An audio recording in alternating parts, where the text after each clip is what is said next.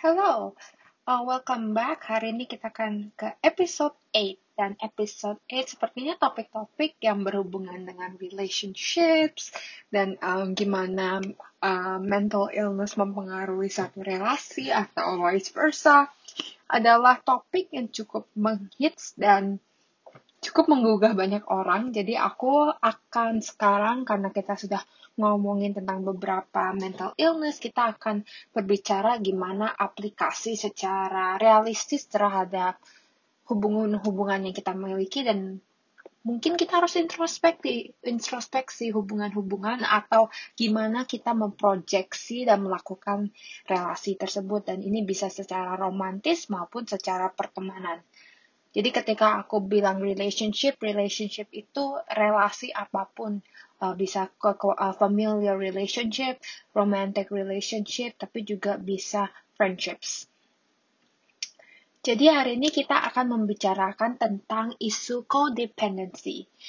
Jadi codependency itu bisa dicirikan sebagai um, jadi seseorang ini memiliki hubungan yang disfungsional atau satu sisi di mana satu orang bergantung ke, terhadap orang lain untuk memenuhi kebutuhan emosional dan juga kepercayaan diri. Dan sesuatu hal yang menarik tentang isu kodependensi ini, ini juga bisa berlangsung keduanya. Jadi bisa tidak hanya satu orang, kalian bisa saling codependent. Di mana misalnya uh, aku punya teman, teman itu menggunakan aku untuk membut, membut, uh, memenuhi kebutuhan emosional dan kepercayaan diri dan vice versa. Dan kita tahu kalau itu kan bukannya pertemanan yang baik. Uh,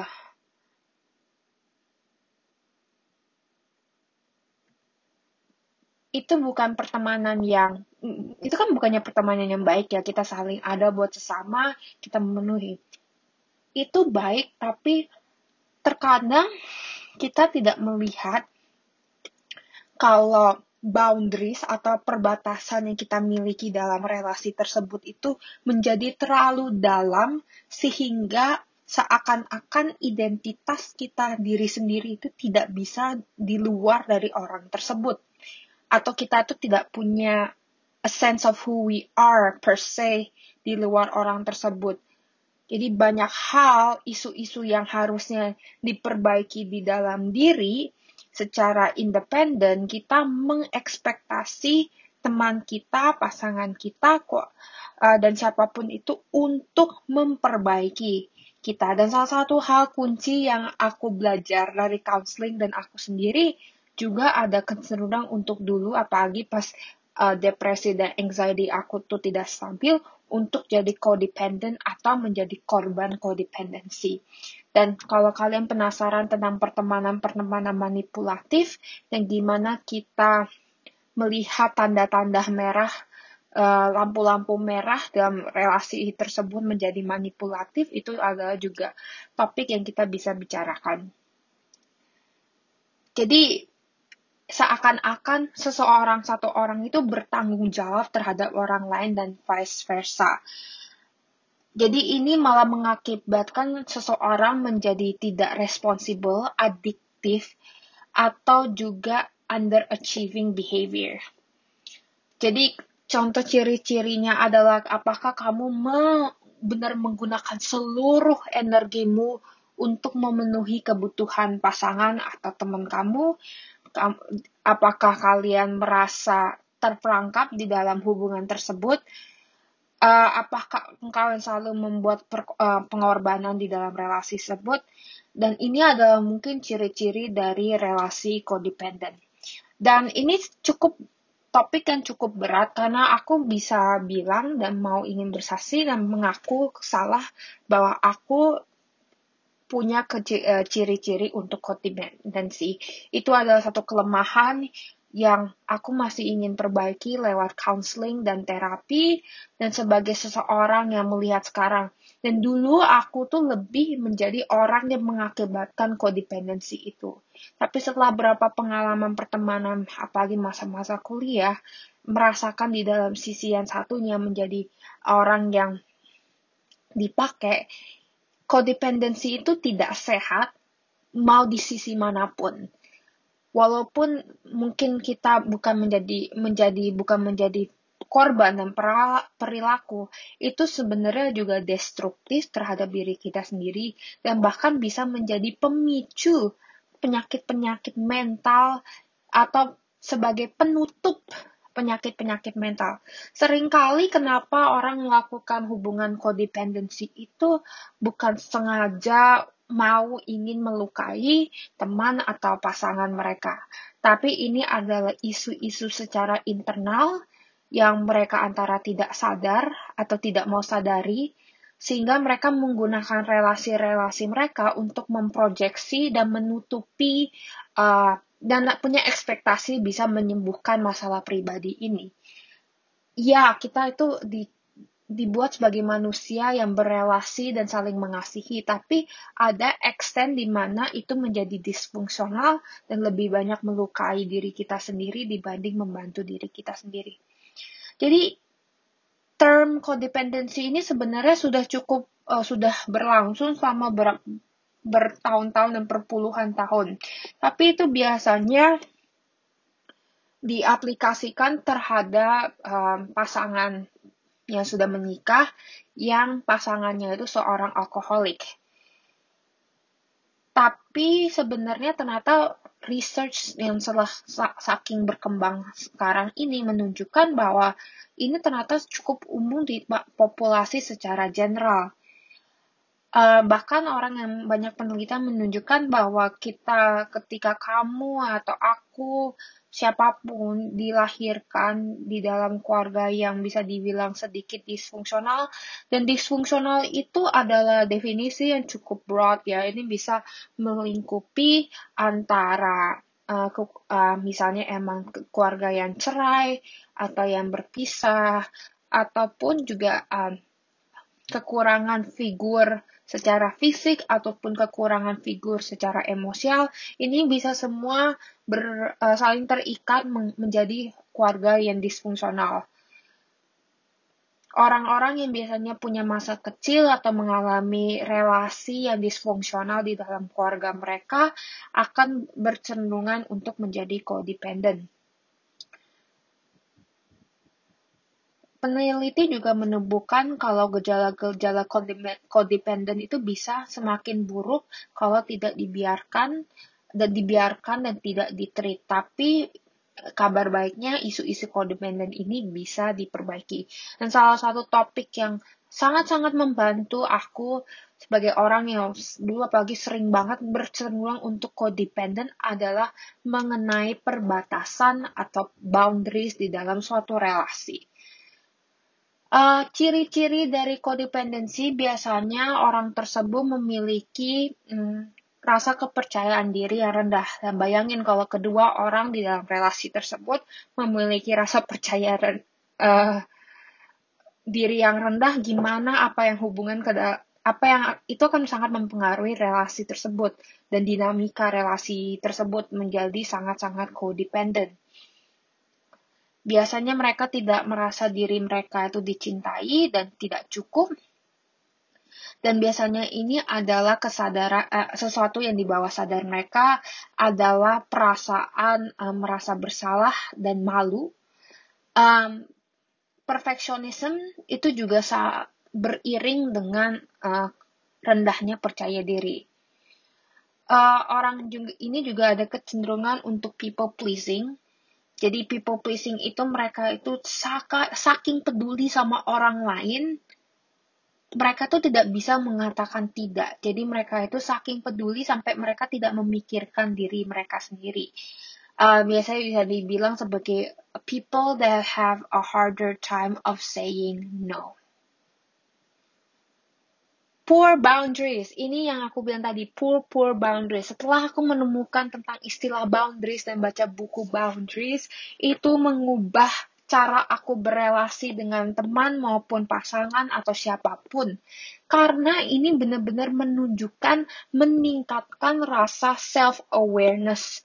Gimana kayak, oke okay, ini kelemahan-kelemahan aku, inilah perbatasan-perbatasannya aku bisa supaya aku tidak melukai orang lain tapi juga tidak melukai diri sendiri. Jadi boundaries itu bisa dibilang sebagai perbatasan imajiner terhadap kamu dan orang lain. Jadi itu membagi um, apa yang milik kamu, apa yang milik orang lain.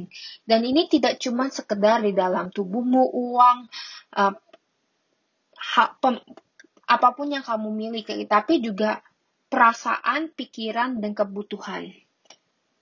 Biasanya orang yang struggle dengan codependent itu mempunyai perbatasan yang sangat-sangat blurry atau terdistorted atau weak boundaries. Mereka merasa tanggung jawab untuk perasaan orang lain dan masalah-masalah orang lain dan sering kali mereka menyalahkan diri mereka sendiri ketik walaupun itu isu milik orang lain tapi juga beberapa juga punya uh, perbatasan yang sangat-sangat kuat, uh, terlalu strong, boundariesnya tuh terlalu rigid. Jadi mereka ada kecenderungan untuk menutup diri, menjauhi, dan membuat orang susah untuk berinteraksi dan dekat sama mereka.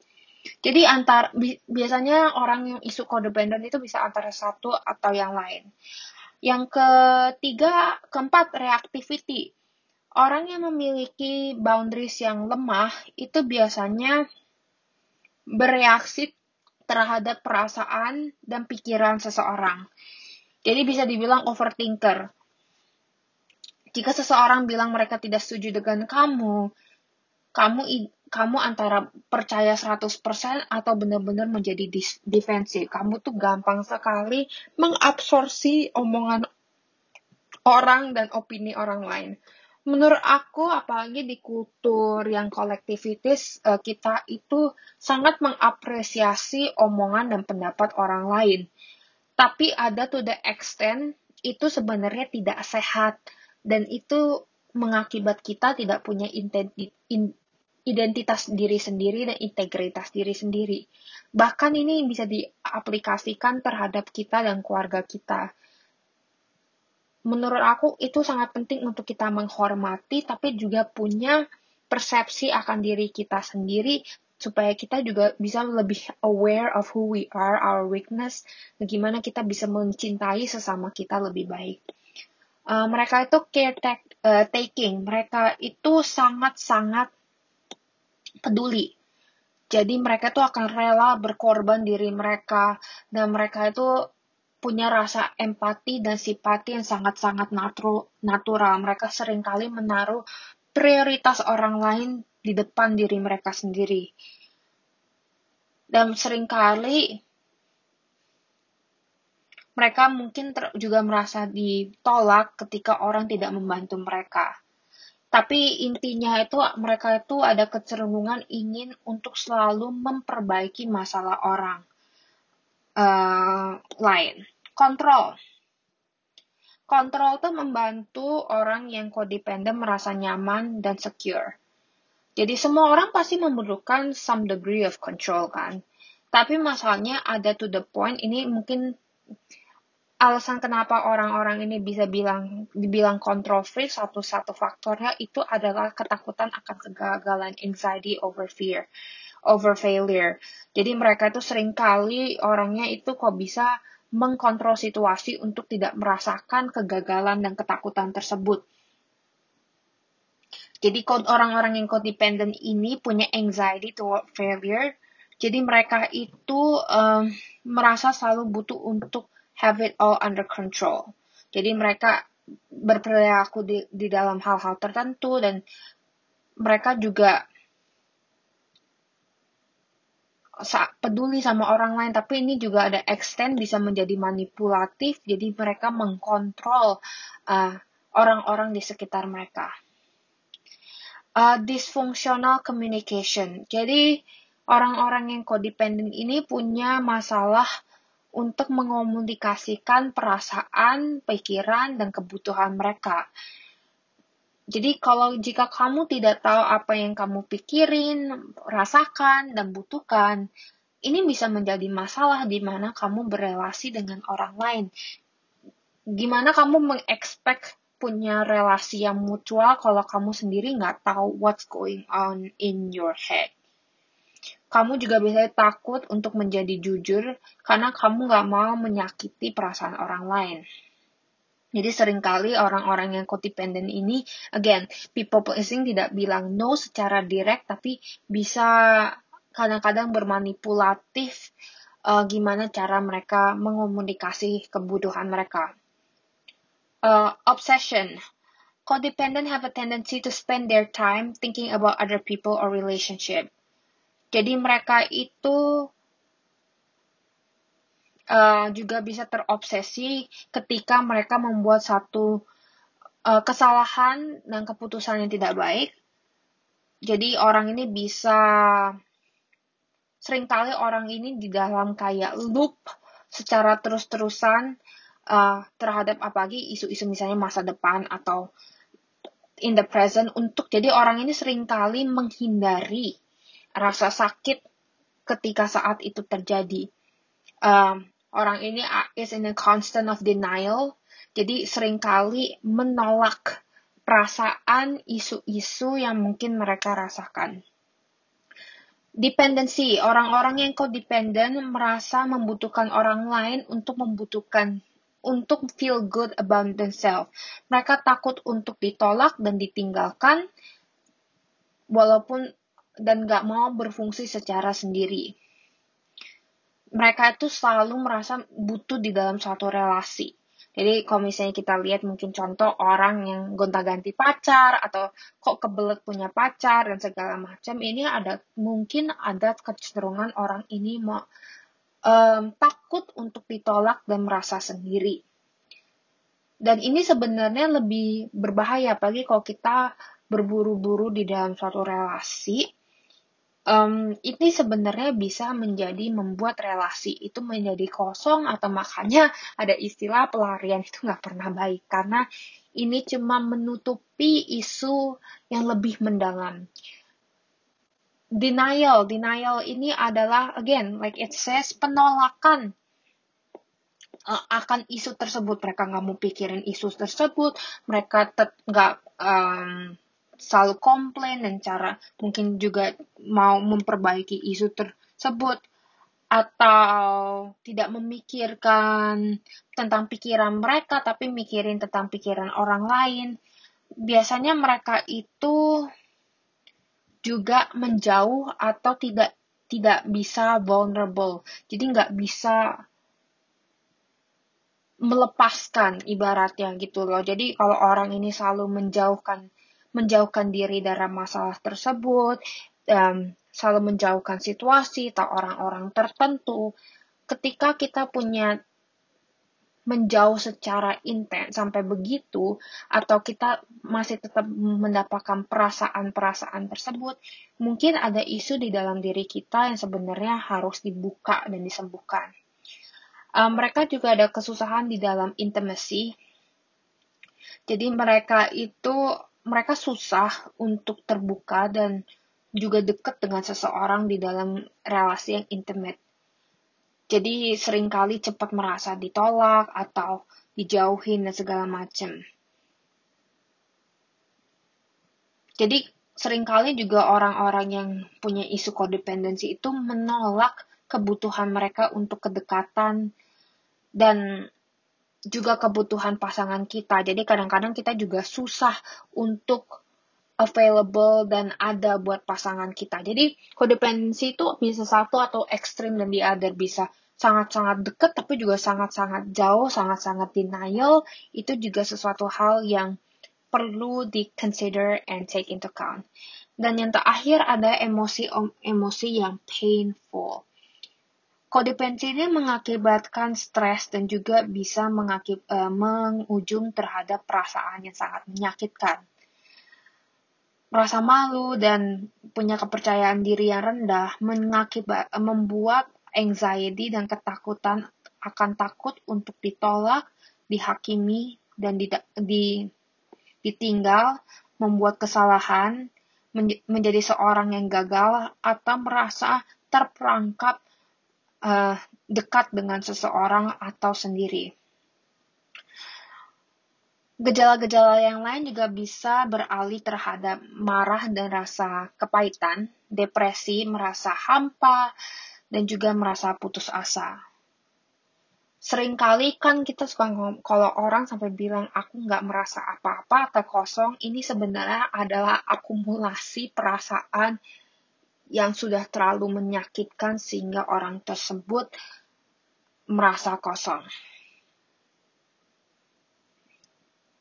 Jadi ini adalah isu-isu dengan codependency ini cukup kita mungkin in some degree is codependent with other beings too and it's I feel like the most key central as someone who was in a codependent relationship and have a tendency to be codependent Self-awareness and self-care is the number one thing that you should prioritize in your life. For example, if you experience a relationship that you were codependent or you were a codependent victim, it is better for you to have a stage where you are really embodying your singleness and noticing these tendencies of codependency because there might be underlying issues within yourself that make you feel so insecure? Why are you such a control freak? Why there might be underlying anxiety?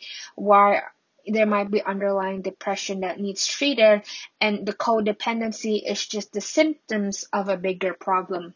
Jadi untuk teman-teman yang mungkin punya teman atau pertemanan yang seakan-akan kok rasanya ini nggak seimbang, coba kita semua saling introspeksi dan kalau kalian juga punya teman yang mungkin sudah di dalam fase penolak denial dan perasa emosinya kosong dan segala macam lebih baik untuk seek help bisa I'm any kind of form of counseling is always healthy tapi saran terbesar jangan counseling terhadap teman karena itu biasanya sangat-sangat subjektif dan have a tendency to make things worse.